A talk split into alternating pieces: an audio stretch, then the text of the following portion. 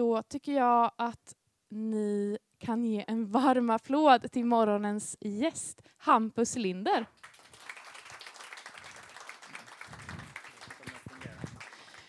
Funkar, funkar den? Hallå? Hallå, hallå? Hör ni oss bra eller vill ni att de höjer? Etta, tvåa. Ja, det hörs bra. Det här är alltså filmfrukost nummer 41. Eh, och välkommen Hampus Linder. Tack så mycket.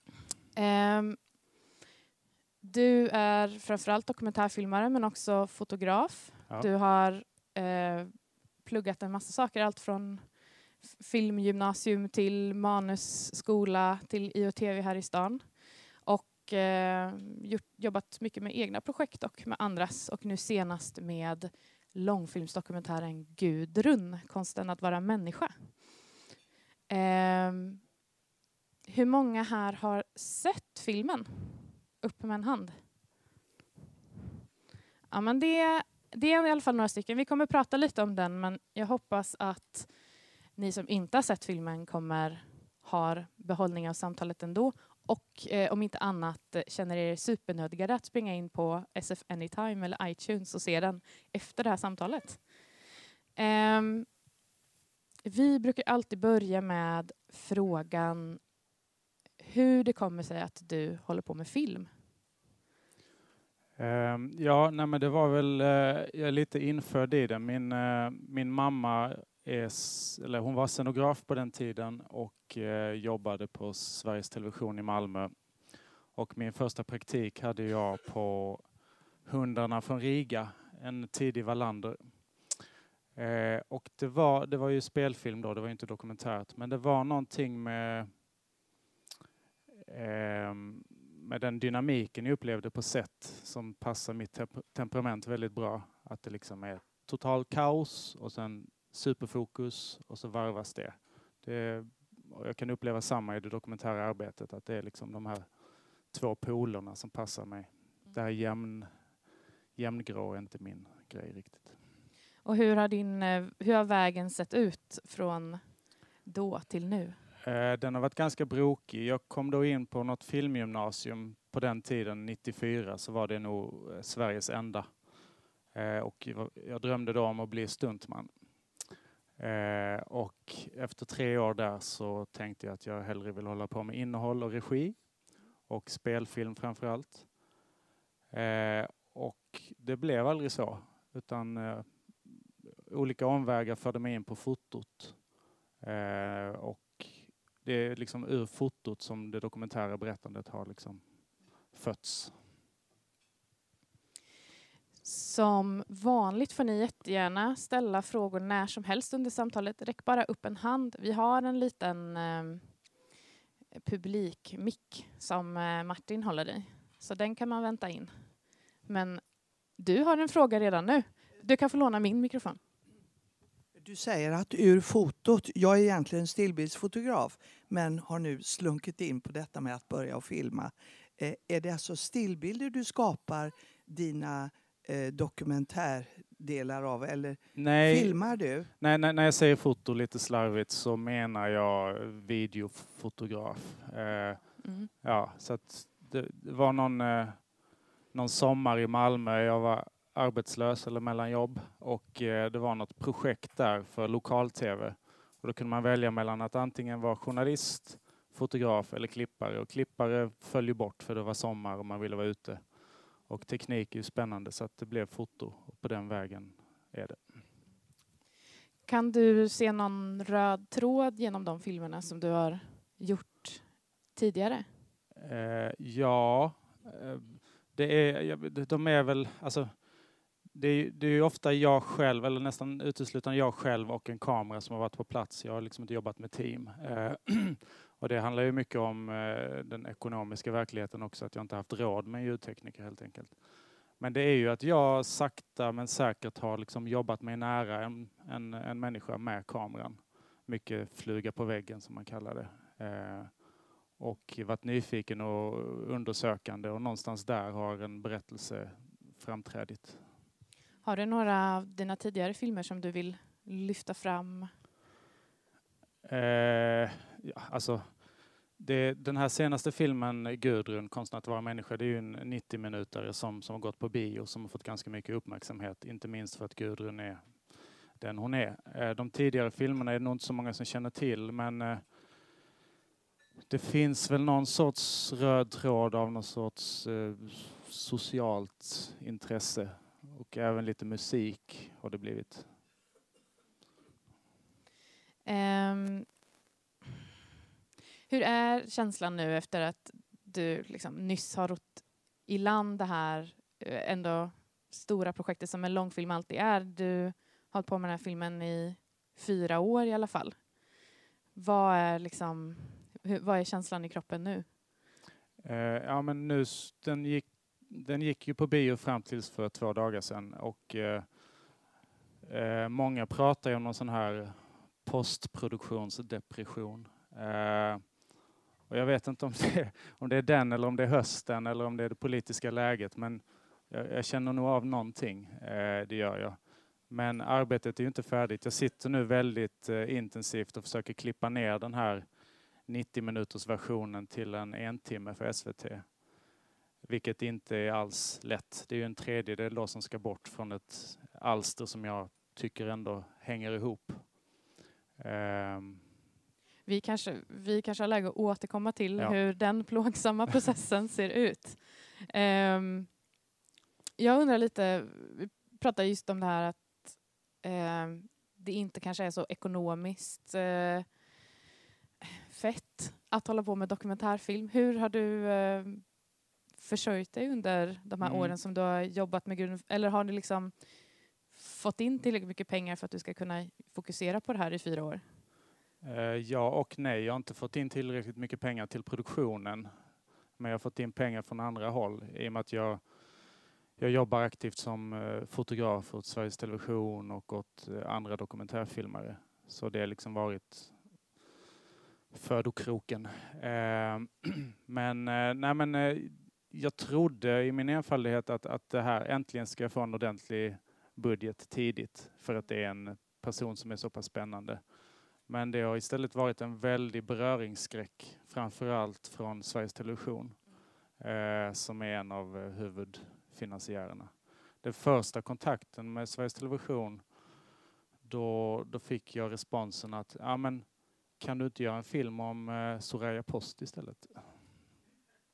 Om eh, en annan, fi, en annan FI-medlem ja. Som har varit EU-parlamentariker? Som är det, ja. precis. Och det är en eh. spännande person, men, men ja, bara för att illustrera liksom beröringsskräcken. Vad, har du fått något hum om vad, vad beröringsskräcken består av just med Gudrun Schyman? Ja, men alltså det är ju en aktiv politiker överhuvudtaget och SVTs ängslighet. Eh, det har vi ju inte minst sett nu i dagarna med den här Eh, efter partiledardebatten och så. Så att eh, ja, det, var, det var tuffare än jag trodde. Men, eh, men det är inte alltid dåligt heller att, att, att en process drar ut på tiden, för tiden är en väldigt viktig faktor. Det händer ju massa saker. Och när jag började filma tidigt 2014, det var ju liksom någonstans under den feministiska våren där och alla började prata feminism och, och Fi hördes och syntes väldigt mycket. Och då, då min första ingång var ju att jag skulle kika på Gudrun och eh, jag hade de glasögonen jag hade på mig när jag började var helt enkelt att jag ville eh, eh kika på medialogiken. Det vill säga hur media uppfattar Gudrun och hur Gudrun använder media. Det samspelet var jag väldigt nyfiken på. Eh, och när jag hade hängt på ett tag då, det var inte så att jag kom till Gudrun och sa jag vill göra en 90 minuters dokumentär om dig, utan min första fråga var egentligen, får jag filma ett homeparty? Hon har haft sådana här eh, hemma hos-fester. Eh, och det var liksom dels min osäkerhet kring eh, vem är jag att göra den filmen, men också någonstans att det handlar ju så mycket om personkemin. Om det inte klickar mellan mig och henne så skulle det aldrig funka. Och det, det gällde ju både för henne och för mig så att, så att det var ett, ett lite trevande och undersökande där mellan oss. Eh, och ja, sen hade jag fi filmat jag några veckor och klippte ihop någon 10 minuters pilot som jag visade henne och sa att jag gärna ville fortsätta filma. Och under den här processen någonstans så, så min ursprungsidé blev mer och mer eh, den kändes kantig. Det kändes som att jag försökte slå ner fyrkantiga klossar i runda hål när jag hela tiden skulle prata om medialogiken. Och vi befann oss i någon sorts... Eh, jag var liksom i epicentret av en folkrörelse som var resande. Eh, så att då omformulerades med tiden min inriktning i projektet. Eh, nu tappar jag lite tråden Ja. vad din ursprungsfråga var här. Ja, men det här var jättebra. Men upplever du att det blev, eh, du fick mer intresse för projektet när du bytte inriktning? Mm, nej. nej, nej, alltså det var ett, jag fick, eh, det, jag hade ju liksom utvecklingspengar fram tills tidigt i år. I, i februari i år så kom, eh, då blev det liksom som att SFI, Svenska Filminstitutet, hakade på och då kom, kom SVT med av bara farten och Film i Skåne. Eh, och det var ju först ja, men nu i år, 2018, och jag började ju filma fyra år innan. Så att, eh, nej, det har varit tufft. Det har också varit slumpmässigt. Jag har haft kontakt med tre olika konsulenter på Filminstitutet. Den första där, Cecilia Ledin, eh, var jättepositiv men hade bara någon månad kvar, hade inga pengar kvar. Så att, att hon var positiv, det, gav kraft men, men eh, jag fick inga pengar. Och nästa konsulent som jag inte behöver nämna vid namn verkade positiv men när det väl kom till kritan så, så blev det inga pengar. Och sen den tredje konsulenten där som kändes, eh, som är med nu, eh, Grunning som är en av två dokumentärfilmskonsulenter på institutet nu. Hon kändes faktiskt också ganska sval men eh, hon var inte det. Det var hennes stil. Men och, har du haft någon strategi liksom för att hålla uppe peppen under tiden när det har varit eh, lite motigt med pengar och så vidare? Ja, eller vi gjorde en... Alltså, det, är ju, jag menar, det handlar ju liksom om självförtroende och om uthållighet. Och, eh, men det är också frustrerande därför att så, så gör man någonting, någon pilot eller man visar klipp för finansiärer och så, så ah, men kan vi inte få se mer av det eller det? Men så, så pytsar de inte in pengar men de vill ha och de vill ha. Liksom. Och till slut så kan man bli rätt tje på det från att man när, man, när jag är ute med kameran och liksom fångar det jag vill fånga så, så är det ett bra flöde men så, så kan man lätt tappa energin. Eh, men där gjorde vi en, en ganska spännande sak. Eh, vi hade haft lite utvecklingspengar. Eh, eh vi hade lyckats knyta till oss en klippare en månad. Eh, Therese Elfström, duktig klippare som... Eh, oj, en fågel här inne nu. Eh, som bland annat klippte Marta och Nicky. Jag tror hon fick en Guldbagge för det klippet. Hon var inne en månad, men vi hade inte råd med mer än en månad. Men då klippte hon ihop en scen eh, där Gudrun träffar Pharrell Williams i Globen. Eh, som vi ville att hon skulle klippa en pilot, men hon, eh, hon tyckte att ja, men den här scenen innehåller det mesta.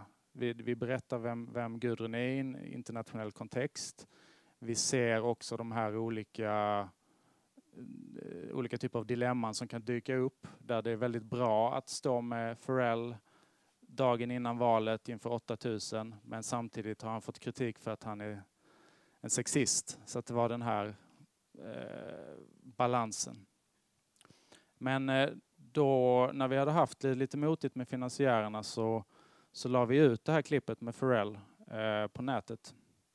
Och eh, Fi började även sprida det. Så att på, på fyra dagar eller någonting en vecka så hade vi haft 50 000 träffar på det här klippet. Eh, och folk började höra av sig till mig och liksom, ja men grattis, att, vad kul att det går så bra och, och sådär. Och det var egentligen ingen skillnad mot veckan innan. Vi hade inte en krona mer. Men eh, folk uppfattade det som en framgång och vi fick energi av det att fortsätta.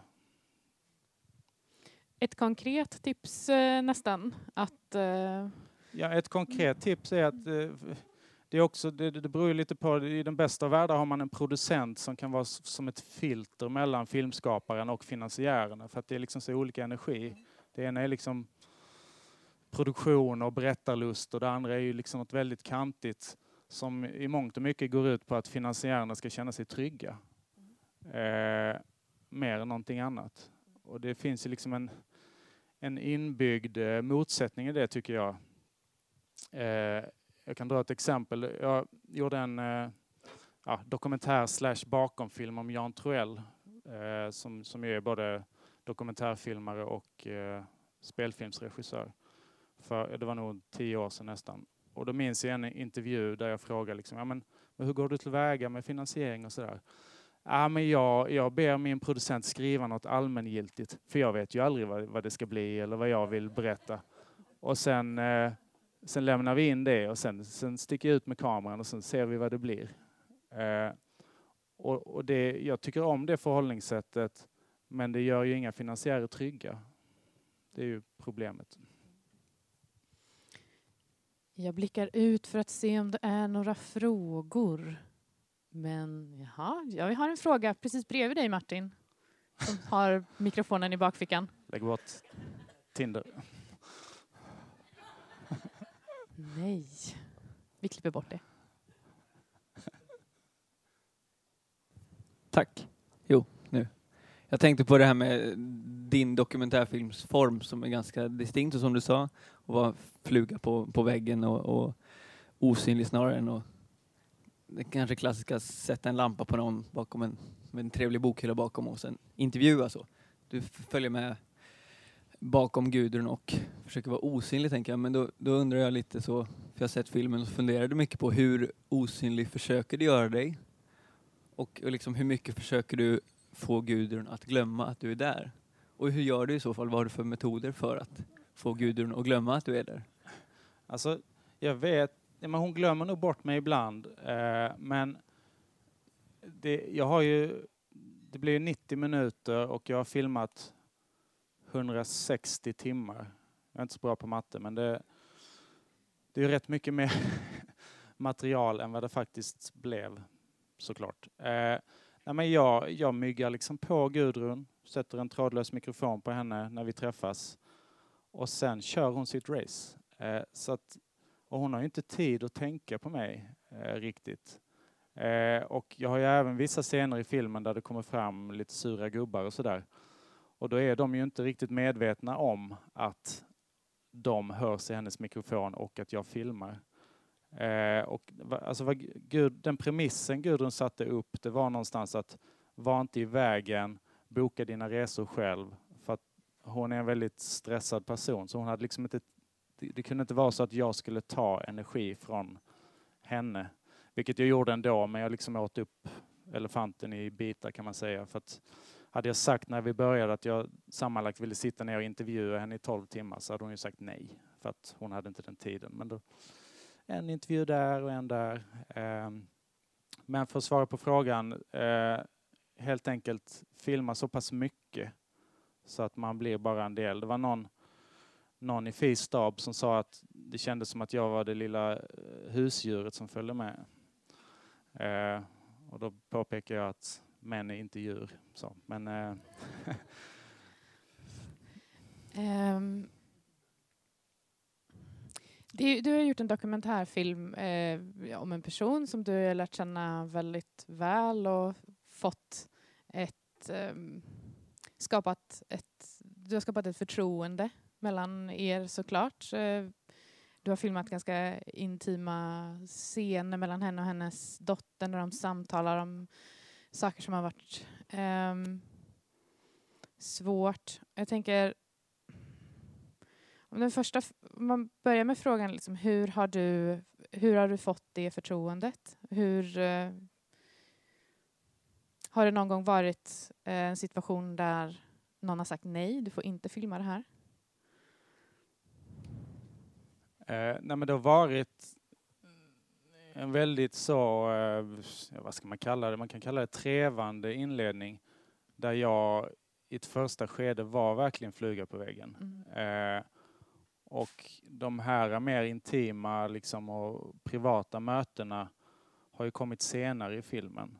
Och det är också, jag tar ju upp känsliga ämnen, både Gudruns erfarenheter av eh, våld i nära relationer, Eh, där hennes exman också finns med och det här ämnet tas upp, och även hennes alkoholism. Eh, och det är ämnen som jag i ett första skede inte egentligen tänkte gå in i. Eh, men det någonstans växte fram av sig själv med tiden. Men det var, det var nog, tiden är nog faktorn, att, att det tog ganska lång tid innan vi kom till de bitarna.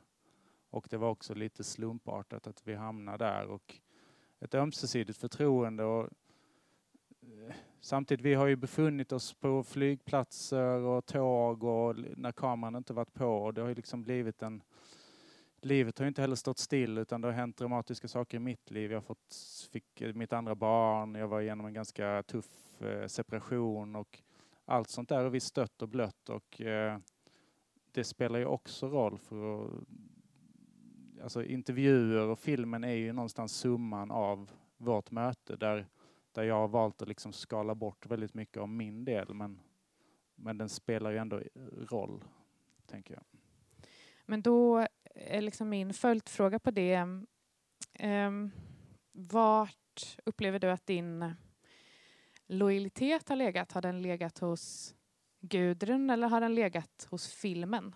Att när du har behövt göra vissa val, har du, har du då gjort val som är bra för filmen eller som är bra för Gudrun? Ja, nej men jag, jag visar ju Gudrun film. Hon hade ju sett väldigt lite. Eh, och jag var nervös för hon sa vid något skede sådär att ja, men jag vill inte att du tar upp det där med mina personliga erfarenheter av våldet till exempel. Och, eh, och hon var väl också trött på det här med alkoholismen så att säga. Eh, men jag tyckte att det blev viktiga beståndsdelar och hade dem i klippet. Så då var det ju lojalitet med, med filmen. Men sen blev jag väldigt glad över att när hon såg det tyckte att det var väldigt jobbigt men att hon kunde se poängen med att det var med. För att det blev liksom en, en fullskalig bild och det har också blivit en del av filmens bärande linjer. Det är liksom ja, men det är det här klassiska feministiska parollen att, att det personliga är politiskt. Och det har liksom verkligen trädit fram i filmen där man liksom får se Gudruns personliga erfarenheter förvandlas till politik. Och så att när hon hade sett det så jag var livrädd. Liksom, nu kommer hon slå bakut och vilja att jag ska ta bort det. Men, eh, men hon, hon, hon, hon, sa att hon tyckte det var jobbigt men att hon, hon hade fint med det där. Vad är det som du har klippt bort i filmen av alla de här 190 timmarna? Ja, det är massor. Det, det, är ju, det gör ju ont. och det gör ännu mer ont nu när jag sitter och klipper den här entimmersversionen. Ehm, men det är ju... Eh, jag har försökt tona ner Fi väldigt mycket och att istället för att prata om Fi prata om eh, den feministiska rörelsen bredare. Där eh, Gudrun och, och Fi blir ett exempel på en feminism som försöker ta plats i det parlamentariska rummet. Eh, ja, också för att den ska kunna få ett bredare tilltal. Eh, jag har suttit och pratat med vänsterpartister efter att de har sett filmen som liksom, ja, de tycker man ska rösta på vänster men de har liksom ändå kunnat hitta någonting i filmen.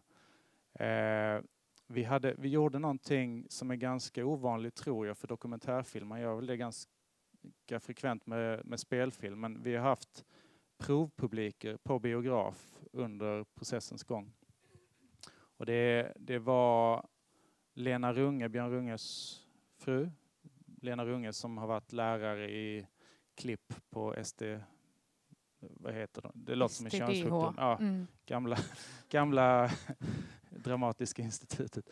Eh, nej men det var, det var hon som eh, förde in det och, och, och, det var väldigt bra, dels för att man blir så hemmablind. Man tänker, men det förstår man ju, men det är inte alls säkert att man förstår saker. Så.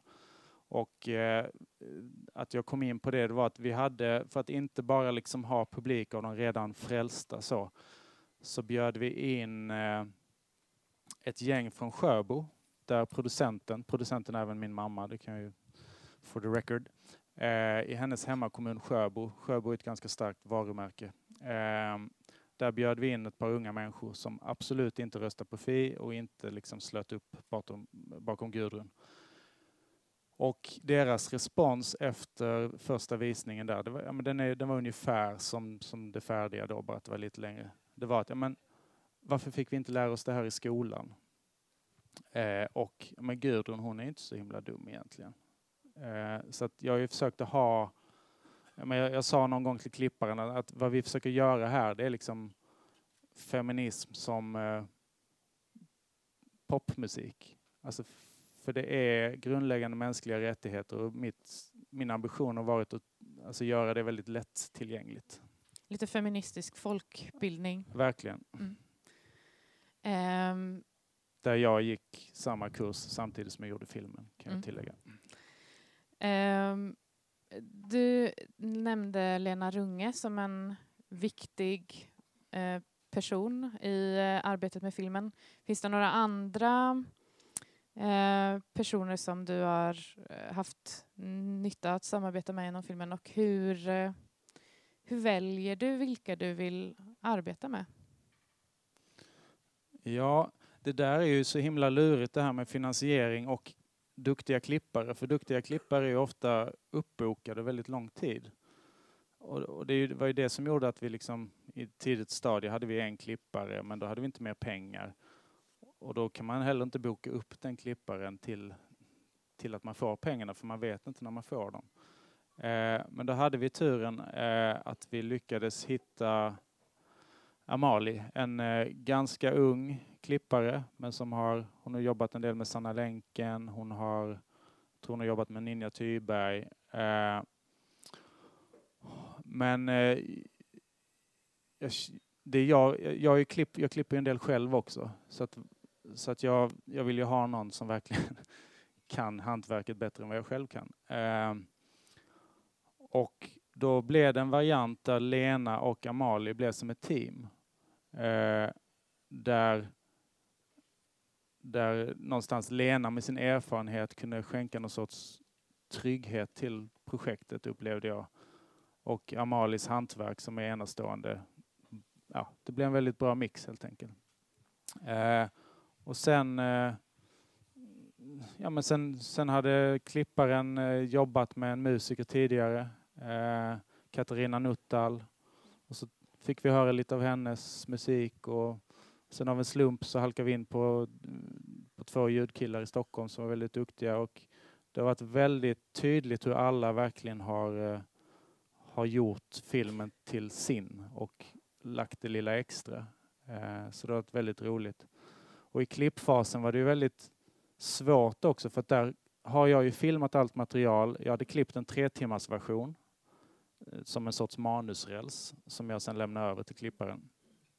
Och det var något av det svåraste, det var att låta henne vara i fred med det och inte vara där och liksom bevaka och kontrollera. Eh, men det sa hon att hon tyckte att jag var duktig på. Men det, men det var ju skitsvårt. Liksom. Och jag kände, vad gör jag ens nu? Liksom. Satt på Facebook när hon satt och klippte och liksom var nervös. Eh, men det, det var nog väldigt viktigt eh, att hon fick chansen att, att skapa sin egen uppfattning. För det är det som är problemet när man har filmat allt själv också, att man blir så hemmablind. Eh, och också att, att min upplevelse på plats eh, formar min bild av materialet på ett sätt som kanske inte är rättvist. Eh, jag jobbade med en klippare för ett gäng år sedan som gav ett exempel. Det fanns en dokumentär som hette Att flyga till Kabul.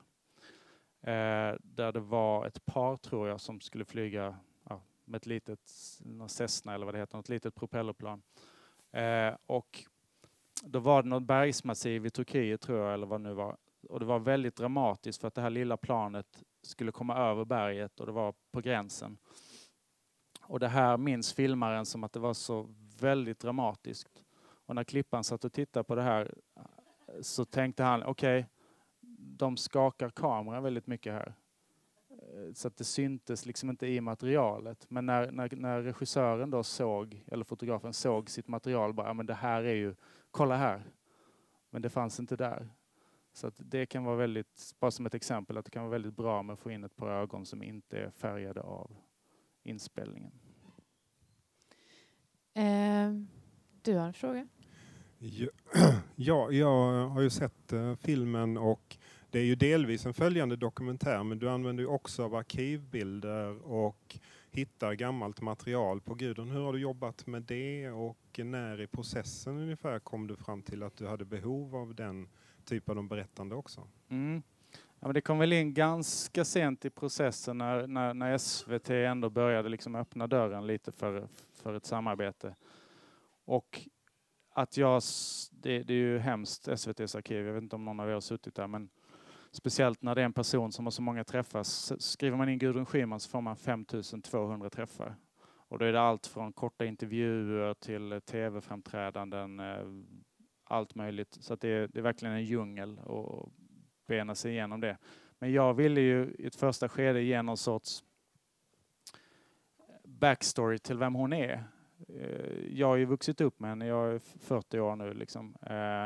Jag var väl 15 när hon kom in och blev partiordförande för vänstern. Så att jag vet ju allt det där. Men, men för en yngre publik så vill jag ge en, en förförståelse. Men när jag väl var inne där och, och grottade runt så hittade jag ju en del arkivbilder som sen har blivit avgörande för filmen av en slump. Eh, till exempel hittade jag bilder på, på rösträttsrörelsen eh, i liksom tidigt 1900-tal som, som jag tycker fyller en väldigt viktig funktion. Eh, jag hittar ju också arkivmaterial där eh, Gudrun är med med sin dotter i en tv-studio som jag inte hade räknat med att hitta som är ja, ganska känsligt material. Gudrun är, ja, hon är, hon är nog inte helt nykter i det framträdandet. Eh, så att, ja men det är det här att vara öppen och för slumpen. På vilket sätt eh, tyckte du att det här arkivmaterialet från rösträttsrörelsen blev viktigt för filmen? Eh, nej, men jag tyckte det var så slående när jag såg de här bilderna att, att det på sätt och vis var samma sak som jag filmade idag. Även om det såklart ser annorlunda ut. Det var länge sedan. Det var ändå liksom samma organiserande och samma kraft. Och eh, i ett första skede så, så använde klipparen eh, de bilderna till att liksom ha, bildsätta någonting som Gudrun sa, där hon berättar om eh, rösträttsrörelsen och, och, och den kampen. Och då låg alla bilderna, liksom, alla de svartvita bilderna låg i en följd så här efter varandra. Och det var först när vi började blanda upp de gamla bilderna med de nya bilderna som jag tyckte att det hände något. För då, då förstod man det här liksom att det, det går som en röd linje i historien. Samma kamp. Jag bara flaggar för att eh, vi kommer inte prata här i all oändlighet. Så har ni en fråga på som, ni, som ligger och verkar så vänta inte med och, och ställ den. Vi har en fråga allra längst bak. Vi kan ta den eh, först. Martin kommer med en mikrofon. Ja, hejsan, jag heter Ulf Skogsén. Jag jobbar på, på ett studieförbund men jag är också med i lite olika styrelser. Aftonstjärnan, jag jobbar med Gothenburg Fringe, Jag jobbar lite mot Kronhuset, kanske vissa journalfilmer på Koppartaken där och så vidare. Och jag har följt en sån där estetisk diskussion i väldigt många år. Så jag är lite intresserad av, jag, jag var bland annat med och startade någonting där man inte var så intresserad av vad publiken tyckte och man var inte så intresserad av vad finansiärerna tyckte utan man var mest intresserad av vad man själv ville berätta med, med sin kamera. Och då funderar jag på hur du förhåller dig till... För jag, jag förstår att situationen är... På ett sätt var den kanske gynnsammare, på ett sätt. I, idag kanske den är gynnsammare därför att det kanske finns mer kunskap. Men å andra sidan finns det som sagt man måste mer tänka på publik kanske, man måste mer tänka på finansiärer. Så det måste vara, och du tar det exemplet med Jan Troell som eh, eh ja, vill gå ut med kameran. Det, det, så, så frågar jag då, vad tycker du om det? Hur förhåller du dig till det? Jag, kan, jag, kan, jag förstår att det kan inte vara lätt att svara på det, men det är ändå spännande att ha igång en diskussion kring det. Uh, ja. Uh, nej men alltså, vi har haft samtal i liksom vårt team där man liksom bara, ja men nu, nu, nu gör vi bara det här så att vi kan få pengarna så vi kan göra den filmen vi själv vill. Så att det blir ju ett spel. Ehm, men eh, och det är olika också. Jag menar, finansiärerna i vissa skeden har de ju verkligen hjälpt till eh, att, att filmen ska bli som den har blivit.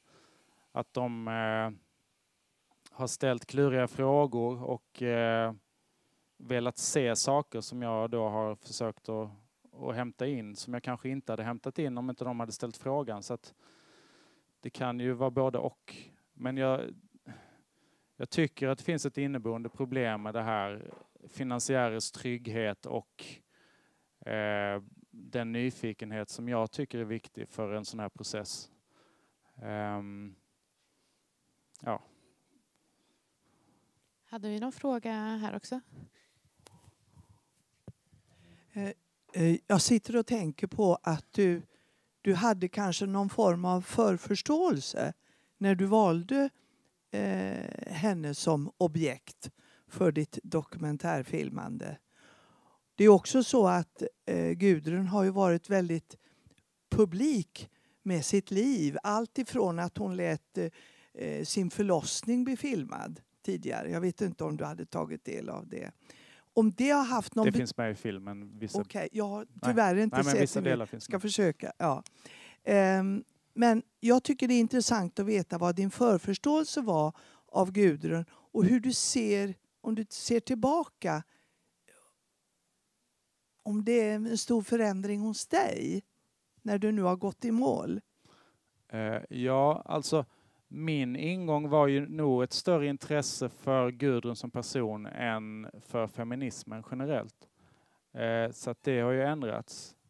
Eh, och det, är- ja, men det är som Gudrun brukar beskriva det, att det är en kunskapsfråga, feminism. Eh, och det är klart att jag har fått mycket kunskap genom att ta rygg på henne i fyra år. Ehm, så att det är en förändring. Något annat är att en bit in i processen så, så blev jag frustrerad över det här liksom att jag ville liksom hitta någonstans, men jag, jag beundrar henne, jag tycker hon är fantastisk, men jag ville liksom komma bakom någonstans. Eh, och, och finansiärerna pratade om att ja, men du måste visa sprickorna i kristallen. Så jag hade något, några tafatta försök där, där jag försökte göra det i, i egna intervjuer. Eh, där jag liksom försökte brotta ner henne verbalt och det, det var ju bara att ge upp. Eh,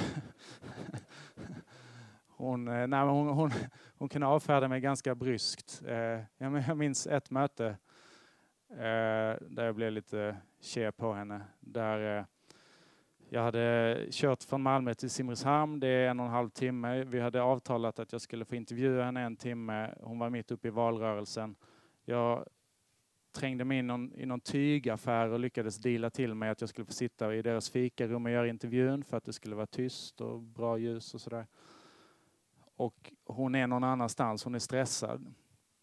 Eh, och så ställer jag frågan, ja men jag har ju förstått att du får mycket energi av homepartyn och sådär, men, men vad, vad tar energi från dig? Sånt här, säger hon då. eh, så. Eh, men eh, det var ju bara att tugga i sig och inte ta det personligt och, och förstå någonstans att eh, alltså när efter att ha sett hennes schema så, så förstår man att hon har brist på tid. Eh, men din fråga, nej men Ehm, upp, om, jag, om min bild av henne har ändrats? Ja, nej men jag tycker nog att dottern hjälper mig inom citationstecken att, att visa en annan Gudrun i filmen. Eh, och jag tänker också att, att min slutsats är nog att det är inte så himla stort glapp mellan vem hon är som person och den politiker hon är. Hon har också sagt det någon gång att när jag har frågat liksom, men hur, hur orkar du liksom hålla uppe det här? Och då, då brukar hennes svar vara att, att hon är sig själv ganska mycket. Hon hade ju någon eh, partiledarkollega i Fi som blev utbränd och så undrar jag men varför blir inte du utbränd? Nej, men jag har varit med så pass länge så att hon, hon blir inte nervös inför en intervju utan hon, hon behöver liksom inte sitta och läsa på utan hon, det är mycket autopilot. Liksom. Vilket också har varit en utmaning i filmen för, för hon kan ibland säga väldigt bra saker så hade man läst det transkriberat så hade man tänkt ja men den här grejen vill jag klippa in i filmen. Men sen har hon kanske sagt den saken 20 gånger så, så att det kan låta konstruerat även om det är genuint för att hon upprepar sig så ofta. Så att en av de bästa intervjuerna det var hemma hos henne när hon sa att hon hade bara sovit två timmar den natten. Så att hon, hade liksom, hon kom ner i varv och hade en helt annan energi. Också bara det faktumet att hon var hemma på landet. Jag tycker bäst om Gudrun när hon är hemma på landet. För då är hon nere på jorden. Så. Vi tar en sista fråga. Jag såg en hand där borta. Jo, jag blev lite intresserad av vad du använder för metod för att klippa bort en halvtimme. För SVT-versionen? Ja, precis. För den här entimmesversionen. Mm. Ja.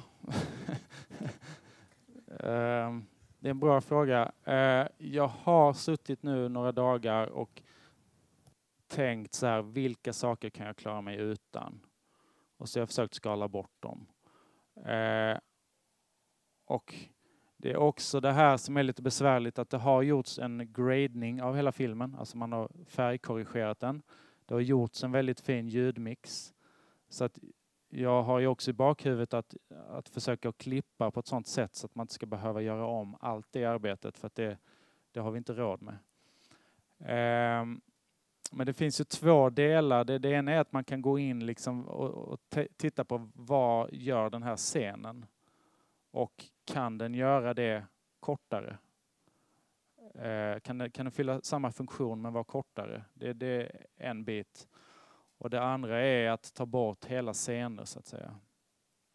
För det är, det är en avvägning där och det är en stor risk också om och det är inte ens sagt att det är bäst att jag själv gör det arbetet egentligen.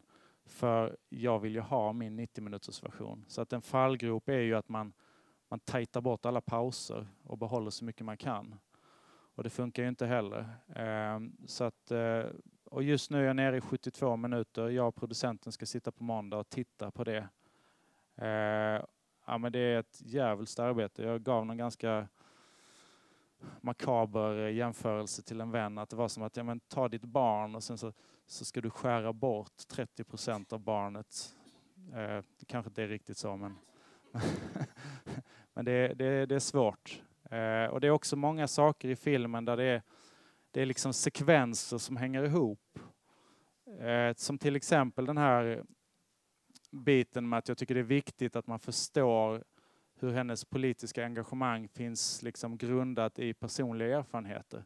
Då blir det liksom som en trestegsraket av scener som behöver varandra. Så att rycker man bort den ena så, så att det är ett jävla, jävla arbete. Men eh, tanken är väl att gå in, göra vissa klipp, ta en paus några dagar, backa bak, titta igenom helheten. Vad har hänt? För att det finns vissa saker jag kan räkna ut som ska hända och det är andra saker, synergieffekter som, som jag inte kan räkna ut. Att jag måste sitta i lugn och ro och titta igenom det. Så att det är lite som att kocka, bara det att man provsmakar soppan och så tar man en paus i tre dagar och sen går man in och kollar läget. Så att, ja, det är jättesvårt. Jag räknar med att det är det här du har för händerna nu framöver. Finns det någonting annat som, något annat projekt som du eh, har tagit dig an? Eh, ja, pengarna ska in. Så just nu är jag fotograf för en SVT-dokumentär om en ung tjej som heter Bea som eh, precis har fått nya lungor eh, i Lund. Så henne följer vi. Det gick jättebra operationen och sådär. Vi har följt henne ett år. Eh, och sen har jag ett dramaprojekt som jag diskuterar tillsammans med en manusförfattare här i Göteborg. Så efter detta så ska jag gå och ha ett litet möte med honom. Men jag ligger rätt lågt. Alltså jag också, mm. Det har varit så intensivt så jag är, fotar, är hemma med barnen. Jag har mm. inte bråttom att starta upp något. Mm. Tack så jättemycket för att du kom hit. Tack.